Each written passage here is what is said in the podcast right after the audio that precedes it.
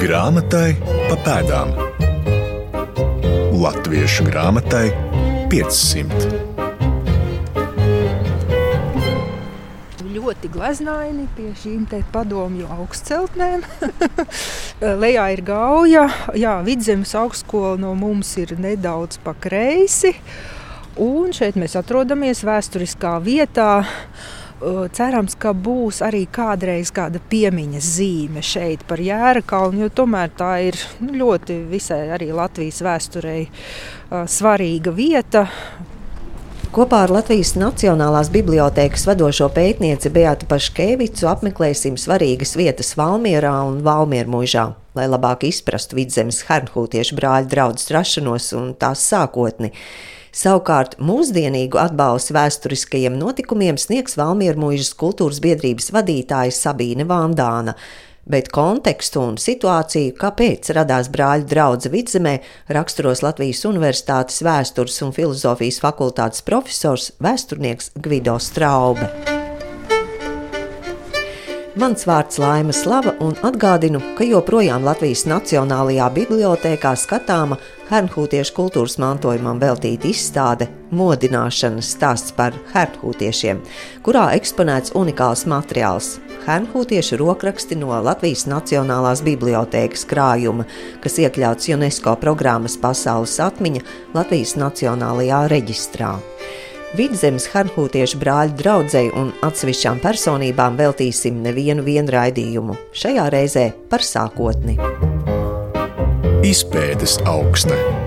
Vēsturnieka Gvido Straubes pētījuma lokā ir arī brāļu draugi. Tādēļ ar viņa starpniecību vēlos izzināt, kāpēc tieši vidzemē varēja rasties Hernhūtiešu brāļu drauga. Tas ir tas laiks, kad Eiropā šādas lietas, kā brāļa draugs, kaut kas tamlīdzīgs, ko mēs visu liekam zem tā nosaukuma pietisms, pietisms kustības, tā ir diezgan populāra lieta. Tā būtība ir tā, ka kaut kur cilvēkiem jau pagājis kaut kāds laiks pēc reformācijas, un protestantiskā baznīca jau ir iekarojusi tās savas drošās pozīcijas daudz vietā Eiropā. Bet nu, tā pieredze varbūt vēl nav tik perfekta, un varbūt nevienmēr viss iet tik labi. Lutheriskā baznīca ir diezgan stingra, un tas varbūt nav tas, ko cilvēki ir vēlējušies. Tāpēc nu, parādās kaut kāda mēģinājuma padarīt to baznīcu draudzīgāku. Jo, tomēr, laikam, arī tā Lutera ideja bija, ka tā baznīca ir cilvēkam draudzīga, žēlīga, izpalīdzīga, nevis tāda augstprātīga, augsta. Līdz ar to kaut kāda meklējuma bija, un tad bija cilvēki, kas izdomāja kaut kādas alternatīvas. Un tie bija pamatā Vācijas dienvidu austrumos, laikam tā varētu apmēram to geogrāfisko telpu nosaukt uh, Halle. Turienes teologi, līdz ar to tas pietisms sāk izplatīties daudz vietā Rietumē Eiropā. Tas mēģināja tikt līdz šeit, līdz Baltijai, līdz vidzemē, 17. gadsimta beigās. Tā kā šeit ir vidzemē zviedri. Viņi ļoti stingri dabiski savos baznīcas uzskatos, un tāpēc viņi nevienu pietistu šeit iekšā nelaida.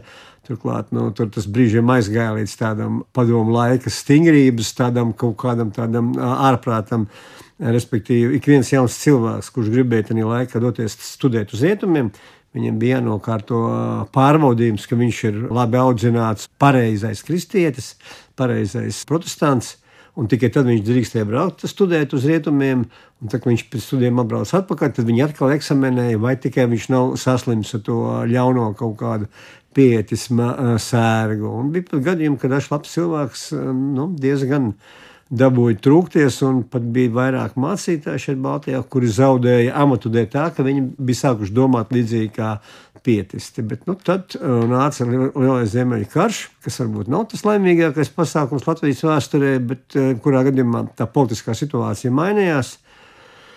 Un Pēterim pirmam bija diezgan vienaldzīgi, kas te ir protestantisms, pietisms, katoļu baznīca. Viņš bija šajā ziņā diezgan, diezgan tāds brīvdomātais, varbūt pat brīžiem.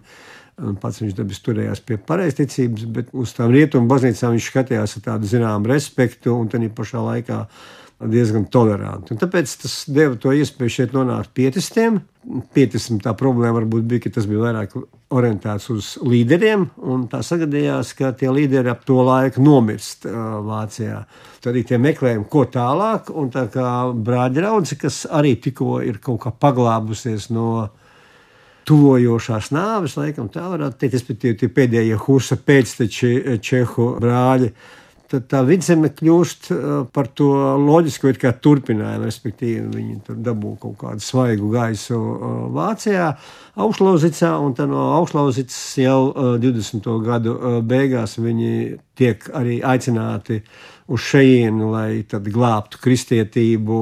Tā kā viņiem ir tā sapratne, ka ir pasaulē vēl vietas, kur cilvēki dzīvo kristietībā, bet tomēr nesaņem tos visus pozitīvos augļus, ko kristīgā baznīca var dot. Uh, tad viņi nosauc, kuras tās vietas ir.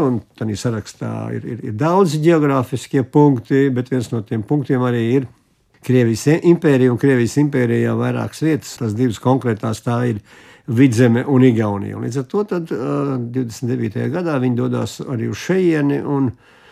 Tā kā tā brāļraudzes ideja jau, jau ir kaut kādus gadus jau tā pamazām attīstījusies, līdz ar to ir arī daži mācītāji, kuriem ir simpātisks bijis agrāk pietisms un tagad brāļraudze.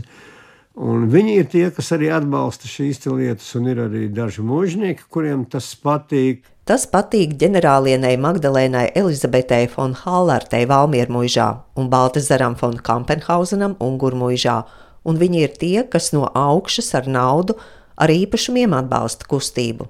Te jāpiebilst, sākotnēji no 1729. līdz 30. gadu vidum kustība skar baltvāciešus. Savukārt latviešu zemniekiem tas ir kārtējais vācu izdomājums, taču Hallarte situāciju maina. Kopā ar Beatu Paškevicu dodos uz Valmieru mūžu, kur mūs sagaida Valmieru mūžas kultūras biedrības vadītāja Sabīne Vandāna. Mēs dosimies uz Valmieru mūžas parku, kas tad ir, varētu teikt, vēsturiskais Valmieru mūžas centrs un visu arī kultūrālo un sociālo un politisko procesu sākums, teiksim tā. Nu, tad dosimies, un šeit laikam būs arī tā vieta, kur bija skola. Jā, šeit uh, bija skola, un skola radās jau pat tajā laikā, kad tikko ieradās Magdalēna Elizabete von Hallerta ar savu kungu, Ludvigu Nikolausu, lielo ģenerāli.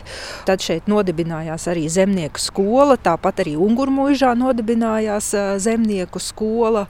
Tā izauga no domas par Halles izglītības iestādēm, kur Hallat pāris bija arī mecenāti šajās bāriņu ierēģiņu iestādēs, kurus viņi bija iepazinuši jau Ziemeļkara laikā, tad, kad ģenerālis ar savu nu, armijas pakļautības daļu bija arī Saksijā un bija Ziemeļvācijā. Teiksim, tās vietas viņi pārvietojās.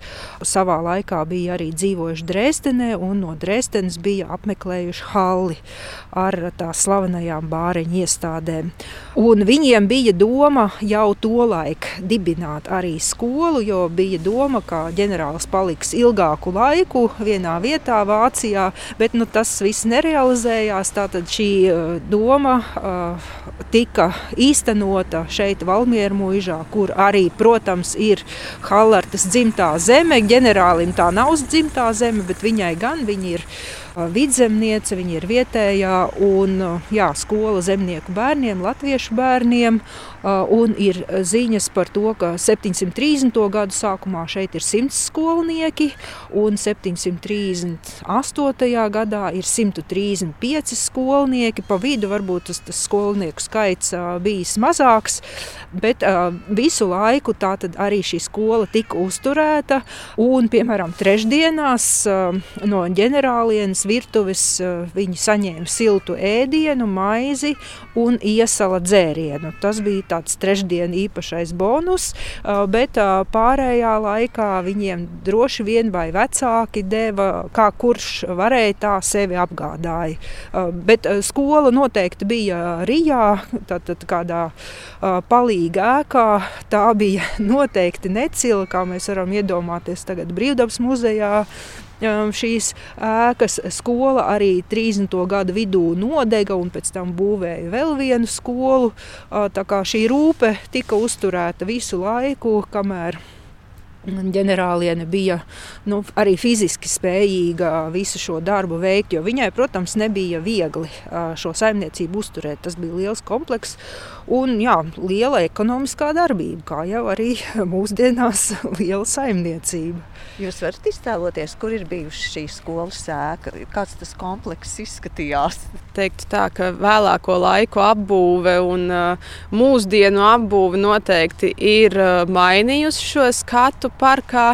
Līdz ar to nostāsti, kur varētu atrasties tieši precīzi šī ēka un kāda tā varētu izskatīties, diemžēl ir tikai iztēles jautājums. Tā skola kas bija šeit, kurā izglītojās zemnieku bērni. Tā bija tā pamata izglītība, pamata zināšana. Jā, zemnieku elementārā skola, kādas tās bija, piemēram, arī kārķos bija pie Majors Delabarres, kur darbojās bijušais savukārt Hallartes mājmācītājs Friedrichs Bernhards Blaufūs. Tie bija 30. gadi, jo mums ir ziņas par vizitācijām, par to, kā ir aprakstīts, teiksim, cik skolnieku un kā notiek šī darbošanās. Nu, tāda zināmā mērā atskaits, kā mums tagad izglītības ministrijai ir jāatskaitās par skolu darbību. Tāda bija arī šeit šeit. Jā, un uh, ir Unguru mūža un ir Valmiera mūža. Bet Valmiera mūža kļūst par lielo centru, jo uz šejieni tiek aicināti un brauc šie jaunekļi un arī uh, māsas no, gan no Hanhūtes, gan no Jēnas, kā piemēram Magnus Friedrichs Buntebarts, kurš kļūst par Jēra kalna vadītāju un skolotāju semināra nu, direktoru Varbūt tik skaļā amatā viņu nesauca, bet viņš tāds bija. Jā, un šis centrs kļūst aizvien rosīgāks, jo 736. gadā Valmieru mūžu apmeklē arī pats grāfs Cincendorfs, ierodās šeit ar dažiem brāļiem un māsām un tiek spriests par to, kā izplatīt dieva vārdu. Tas, protams, ir viņu galvenais uzdevums, bet arī izglītot zemniekus, lai viņi varētu šo dievu vārdu uztvert. Jo, ja es neko nemācēšu ne lasīt, ne rakstīt, tad man būs tikai jāklausās kāds pasaku stāsts, bet ar to viņi nebija mierā šos pasaku pasaku stāstus viņi nevēlējās. Viņi vēlējās, lai patiešām tiek lasīta Bībele, tiek, tiek lasīts katehisms un tā tad šī izglītība, lai norisinātos. Jā, un tiek nolēmts, teiksim, strādāt pie akmens un kaļķa, lai šis garīgais impulss sāktos Valmierā un Valmiera muižā. Un ģenerāliene Hallarte ļoti pieķerās šai domai, šai idejai, jo arī viņai gribās attīstīt šo apkārtni, varbūt pat arī tik vienkārši. Tas ir domāts, lai šeit viņai pašai būtu patīkama vide, jo viņa bija ļoti izglītota sieviete, ļoti garīgi bagāta sieviete ar daudzām augstām personām, reiz bijusi pazīstama savā laikā, teiksim, plašajā Saksijā un arī pat Krievijā, protams, arī Krievu galmā. Viņa ar vīra starpniecību bija apgrozījusies. Jā, līdz ar to viņa vēlējās attīstīt šo vietu un tad deva naudu diakonāta, jauna diakonāta būvniecībai, jo viņas arī tā laika mājmācītājs kļuva arī par mācītāju, par diakonu Sīmeņa baznīcā un nebija nepieciešama šī diakonāta ēka. Diakonāts mums ir 737. gadā un jau 38. gadā tiek domāts par Jērakalnu būvniecību. Un šajā būvniecībā finansējumu dod gan Kampenhausens, gan arī Hālarte. Viņi piedalās ar savu naudu šajā projektā, dod baļķiem naudu, tad, protams, izmanto savu mežu bagātības un arī ķieģeļus. Mm, tieši Kampenhausens dod ķieģeļus priekš māju būvniecības. Artefakta gaismā. Ar Beatu Paškevicu dodamies uz Valmieras centru un ejot pa Diokonāta ielu. Tā mūsdienās glabā šo vēsturisko liecību, jo pašas Diokonāta ēkas jau nav. Tā bijusi pamatīga māja ar vairākām krāsnīm, lai tajā varētu pulcināt daudz cilvēku, arī mācīt. Un tieši Diokonātā redzam pirmsākumu skolotāju semināram, kas izveidojās turpat līdzās Jēra kalnā. Esam nonākuši vietā netālu no Valmieras augstceltnēm, Gaujas stāvajā krastā, kur atradies skolotāju semināra ēku komplekss. Beatai rokās plāns. Kā mēs arī plānā varam redzēt, ļoti jauki. Tātad šeit ir galvenā māja, un šeit ir daudzās palīgbūs. Jo jebkurai saimniecībai agrāk, protams, ir vajadzīgi šķūņi, klētis, stallis. Tad tas viss komplekss, tas ir Jēra kalna komplekss. Un te mēs skaisti redzam arī rozā krāsā, tātad 743. gada plānā ir iezīmēta šī ēka. Un, kā man teica Pēters Blūms, ar kuru es konsultējos, iespējams, ka tā bija tātad koka ēka ar kaļķi apmesta. Un varbūt pat tādā tiešām tādā gaišā krāsā. Viņa bija krāsota ar salmu jumtu, ar vairākiem manteļskursteņiem un, protams, vairākām krāsnīm. Tāda ēka. Šis jēra kalns jau bija tiem cilvēkiem, kuri jau bija to pamat izglītību ļoti elementārā veidā pabeiguši, kuri tika atzīti par īpaši apdāvinātiem un kuri tad tika izraudzīti. Viņus mužnieki, protams, ar mužnieku atļauju, viņi tika sūtīti šeit uz Jēra kalnu mācīties tāds augstāks līmenis. Jā, tas ir augstāks līmenis, tas ir skolotāja seminārs. Arī pēc glika mēģinājuma alūksnēt ir nākamais mēģinājums šeit, Jērakalnā. Šis mēģinājums, varētu teikt, ir veiksmīgs. Tam nav tāds pārāvums kā glikam, jo vienkārši tur ir ziemeļkarš un visa šī lieta pilnībā pajūg. Bet Tad Jērakalnā arī saistībā ar Bībeles otro izdevumu 739. gadā tātad tā izglītības un garīgā dzīve tiek atjaunota un tā pēc tam aiziet paudžu paudzēs, jo tie, kas šeit tika izglītoti, tie savukārt aiziet uz savām vietām, uz dibina zemnieku skolas un veido tur to dzīvi. Tā kā mums ir pārmantojamība līdz pat cimzas skolotāju semināram. Tad jau sākās tā lielā, skaistā vēsture, kura mums ir. Grāmatai pa pēdām. jo Jērakalns jau bija arī. Stāvot vietā, kur atradies skolotājs seminārs, varam iztēloties ne tikai kā tas izskatījies, bet zināms, ka skanējuši pat zvani. Viņš bija atvests uz šejieni, un jūs varat iedomāties, ka šīs zvans, tad, kad zvanīja vai ziņoja uz kādu svarīgu notikumu sakarā, tad tas izskanēja arī diezgan plaši. Jā, un, protams, mums ir arī Sīmaņa baznīca netālu, un tur arī bija zvans. Tā kā nu, konkurence šeit ir acīm redzama, un par to jau arī nav jābrīnās, ka notika tas, kas notika būtībā. Arī iesvētīšana notika šai ēkai 741. gadā un iesvētīšanā tika teiktas lūkšanas vācu un latviešu valodā. Tas ir arī ļoti skaisti, ka visi šie svinīgie pasākumi, kas ir notikuši Jērkalnā, viņi notiek tā kā tādā divvalodībā un tādā pilnīgi līdzvērtīgā divvalodībā. Teiksim, viens lūdzās latviski, otrs vāciski, dzied dziesmu latviski, dzied dziesmu vāciski. Jo šeit darbojās vācu brāļi un arī latviešu brāļu draudzes pārstāvji draugi. Lai gan viņiem toreiz oficiāli brāļu draugi, viņi to arī uzsver, ka viņiem šeit nav nodibināta oficiāla brāļu draugs, jo tai ir nu, nepieciešama lielāka kopība, bet viņi gatavojās šīs brāļu draudzes dibināšanai, kas notika 1742. gadā. Ir arī mācītāji ziņojumi, kas ir interesanti par to, kā notiek piemēram lūkšanas apmēram, kas tiek runāts. Mums ir ļoti interesanta liecība. Tas ir vidzemes topošais ģenerāls superintendents Kristians Dāvids Lents, kurš šeit kā jauns mācītājs tiek uzaicināts tieši 741. gadā.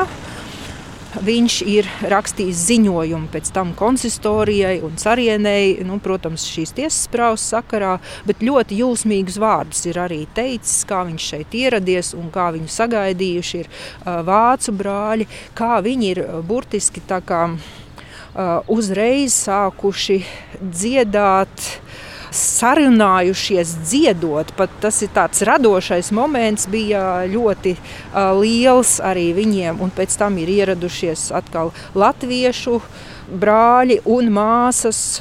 Un, uh, viņš apraksta Ziemassvētku svinības šeit, Ziemassvētku vakaru, nakti, kādas lūkšanas uh, ir notikušas arī pēc. Uh, svētrunas, kuru teica Magnus Friedrichs Buntebarts, kurš bija, nu, tā kā varētu teikt, šī jēra kalna galvenais skolotājs, direktors. Viņš katram ir apvaicājies par dvēseles klāšanos, kā tad iet. Un tad Lens arī piezīmē, ka nu, nevienmēr es varēju atklausīt, jo tāpēc, viņi bija tālu no manis, bet arī manas latviešu valodas zināšanas nav vēl tik labas. Bet katram cilvēkam tika pievērsta uzmanība, kurš bija tur atnācis. Viņi vēl arī ir prasījuši ne tikai tādu vispārējo stundu, bet arī atsevišķo stundu. Tātad vēl klāt, vēl, vēl papildus um, savai dvēseles celsmei vēl vienu pasākumu. Jā, un um, Kristians Dārvids Lens aizbrauc no šejienes ļoti iedvesmots. Un cik ilgi šī skola pastāvēja? Šī skola pastāvēja, kā saka, vēsturnieku domas, varbūt arī varētu dalīties kaut kur divus, trīs, četrus gadus. Pēc tam, protams, sekoja aizliegums un tiesas prāva un visi logi.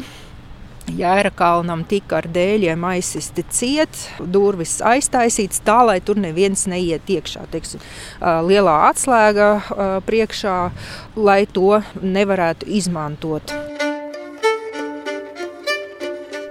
Lai arī skolotāju semināra pastāvēšana bija īss laika sprīdis, Gvido Straube secina. Tas seminārs darbojās ļoti produktīvi, respektīvi, tikko tas sācis darboties jau pēc gada.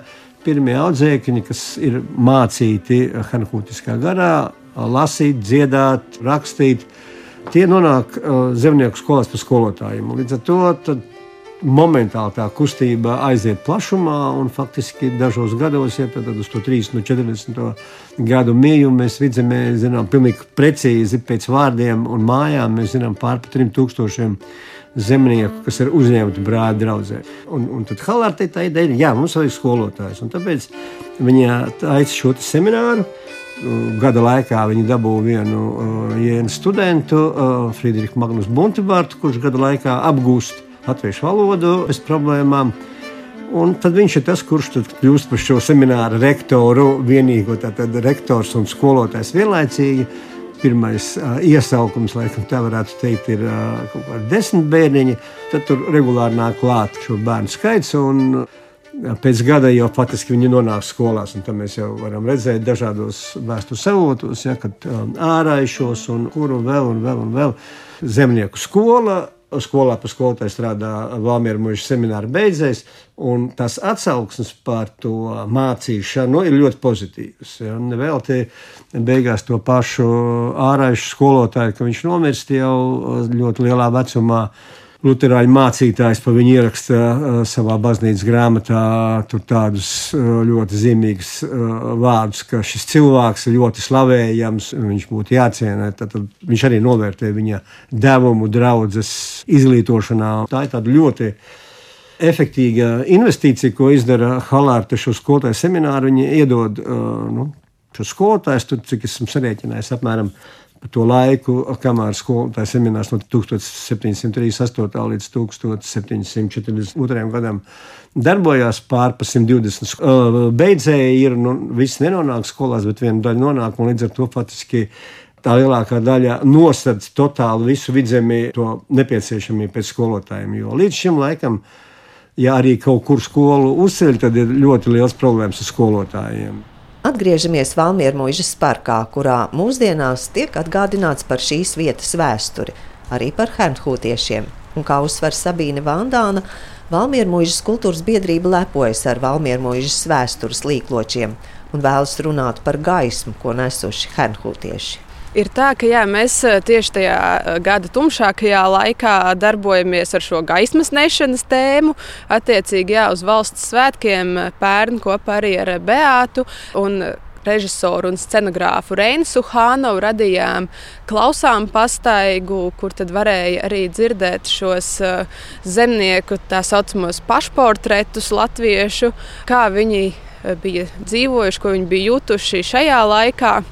Un, jā, un tas arī ir saglabājies eh, no šī projekta. Esam tepat parkā eh, izvietojuši kvadrātkodus, ko var noskenēt, un tad attiecīgi arī joprojām dzirdēt šos ierunātos stāstus. Tā kā var eh, laiski jebkurā diennakts laikā un jebkurā gada laikā nākt un baudīt šos stāstus šeit pat uz vietas.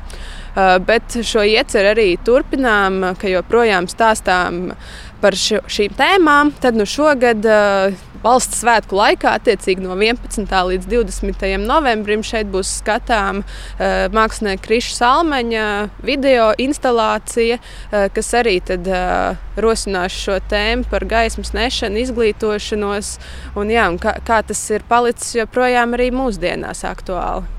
Mēs ar mākslas objektiem radām impulsu, bet jā, mēs arī šajā gadā rūpējamies, nu, īstenībā jau divus gadus rūpējamies par to, lai pēc tam, ja ir interese izzināt tālāk, tad pašlaik top arī vēstures grāmata par Valmieru mūžu. Vēsturnieks Jānis Kalnečs sarakstījis, izpētījis, bijis dažādos arhīvos un meklējis vēl jaunus materiālus. Tad nu, šī gada beigās mums beidzot būs tāds plašāks, izvērstāks uh, apkopojums par un ap uh, tiem Almēru mūža slīkločiem, kur, protams, viena no sadaļām arī ir Henhūtiešu tēma un Magdalena Elzabete von Hallerta. Palmieru mūžas parkā var noklausīties arī Halārtas dzīves stāstu. Jā, tur ir pa pēdējiem tiem dzīves mirkļiem, tas ir interesants. Viņai bija istabā zārks esot bijis. Jā, un, un tad, kad viņi jau nu, jūta, ka viņa mirst, tad, protams, viņas eh, visi bija sanākuši un, un viņa bija apmierināta un priecīga, jo viņi, nu, viņi dziedāja arī attiecīgas dziesmas, un viņi esot situs plaukstus. Droši vien, ka viņi nevarēja parunāt vairs. Um, bet vienkārši nu, izrādīja savu to labvēlību. Jā. Bet uh, ņemot vērā to lielo fizisko slodzi, kāda viņai bija jāiztur arī un, un lielos pārdzīvojumus, jo viņai mēra laikā abi bērni aizgāja bojā. Kā, nu, tas nav viegli. Tur ir uh, portrets, Sabīne ir arī aicina aplūkot Valmiermojas parkā ierīkoto rožu dobi un Hallārtas portretu, kur arī informācija par ģenerālieni kuras mūžs noslēdzas 1750. gadā. Godinājums Hallartei, kas tad uh, zied visu vasaru. Un turpat arī ir uh, tā pamata informācija, mazs aprakstīns gan par Hallartu, gan var apskatīties uh, to vienīgo portretu. Svarīgā grāmatzīme. Gvido Straupe iezīmē, kas notiek pēc brāļu draudzes aizlieguma tas labums šeit ir tajā, ka pēc tā aizlieguma daudzi vācu brāļi atbrauca atpakaļ uz augšlauzītes. Līdz ar to kustība palika tāda ļoti vidzemnieciska, ja pat labāk teikt, ļoti latviska. Ja? Un, acīm redzot, nu, tā bija kaut kāda varbūt tā garša parādījusies šajos zemniekus, ka viņi var kaut ko darīt, viņi kaut ko var organizēt, viņiem tas laikam ir iepatikās, un līdz ar to viņi paši kļūst ar vien intensīvāki, vien aktīvāki darbinieki šajā kustībā. Līdz ar to faktiski tas tā saucamais klusais gājiens, jeb aizlieguma gadi no 43. gada. 18. gadsimtā līdz 19. gadsimta 17. gadam. Jā.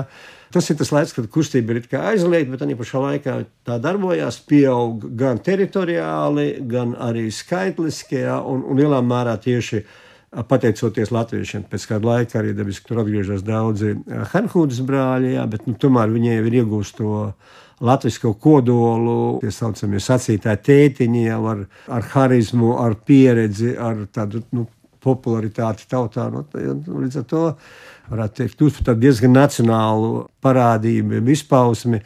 kādēļ pat ir daži vēsturnieki, kuri saka, ka brāļa draudzene var kļūt, ja nu, tālāk tur viss veidotos labvēlīgi, tad viņi varētu kļūt par nacionālo baznīcu. Nu, diemžēl mēs zinām, ka 19. gadsimtā to iespēju nogriež Krievijas valsts impērija, kura 1832. gada pašā beigās, decembra pašā beigās, izdod jauno baznīcas likumu, kas faktiski brāļu draugus to iepriekšējo darbošanās stilu nogriež totāli kā ar nāzi. Jā, un, un, un tad, Nu, tad arī parādās arī dabiski uz tās vēstures skatuves jauni aktieri, respektīvi parādās veclatvieši, un tad jau arī ļoti drīz jaunatvieši. Jā, dabis, nu, tas ir kaut kas interesantāks, ceļš jaunai paudzē, jā, un tad tam brāļa draugs kļūst par tādu. Varbūt brīžiem arī tādu nu, apsmaidīšanas objektu. Es jums gribēju pajautāt, vai harhūtisma kustība no mūsdienu skatu punkta var manīt arī kādas uh, sektantisma pazīmes? Kā ir ar to? Es, nu, jā, uh, nu, to bieži pārmet, uh, brāļi draugi pārmet sektantismu. Tie pretinieki vienbrīd ir Lutheriskā baznīca, un bija arī nu, padomu historiografijā, neskapēc viņas par sektantiem saukā. Tas laika posms no 18. gadsimta līdz 19. gadsimta vidum, tas nav sektantisms nekādā gadījumā, jo tur var brīvi tikt iekšā, brīvi tikt ārā, un viņi darbojās pietiekoši atvērti. Tur nekas tāds sektantisks nav. Tas sektantisms sākās tad, kad Kā es teicu, 1832. gadā iznāk jaunais baznīcas likums. Sākotnēji tas vēl nu, atkal kā Krievijas impērijā īsti nesāk darboties. Jā.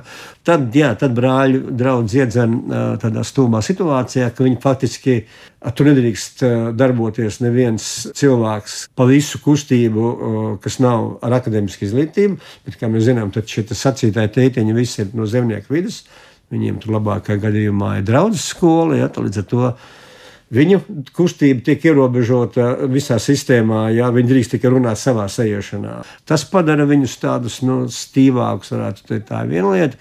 Otra lieta ir, uh, tur vairs nevar jauns cilvēks uzņemt. Uh, no malas nedrīkst uzņemt tikai ģimenes locekļi, ir tie eventuālie, kurus drīkst uzņemt, bet arī tad jāgaida līdz pilngadībai un, un, un tad nu, dabiski pamazām tā jaunatne attiek no kustības arī, ja, un tad viņa kļūst tāda veca, viņa noveco, viņa sāk skatīties dusmīgi uz tiem citiem, kas nav brāļi raudzē, un tad tiek uzskatīts, nu, tie tur viss slikti ir, ja, tad viņi bišķiņi varbūt tās tā sektantizējās, bet, nu, nu jā, nu,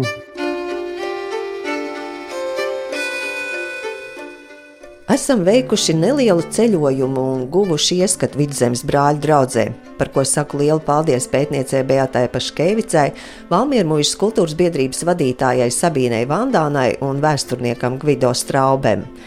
Ir veikti nozīmīgi pētījumi vispār par brāļu draugu, taču apkopojums par Jēra kalna kompleksu vēl būtu jāuzraksta, vajadzētu arī piemiņas zīmi. Tādi mūsu šīs dienas vēlējumi. Tagad gan laiks atvadīties. Šo raidījumu veidoja Nora Mitspapa, Laima Slava, producente Santa Lauga. Raidījuma padomdevējs kā Allaž Latvijas Nacionālā bibliotēka. Pēc nedēļas par glīka bībeles dažiem eksemplāriem, bet īpaši pētīsim bībeles otro izdevumu un būsit klātesoši glīka ozola stādīšanai pie Latvijas Nacionālās bibliotēkas. Grāmatai pa pēdām Latviešu grāmatai 500.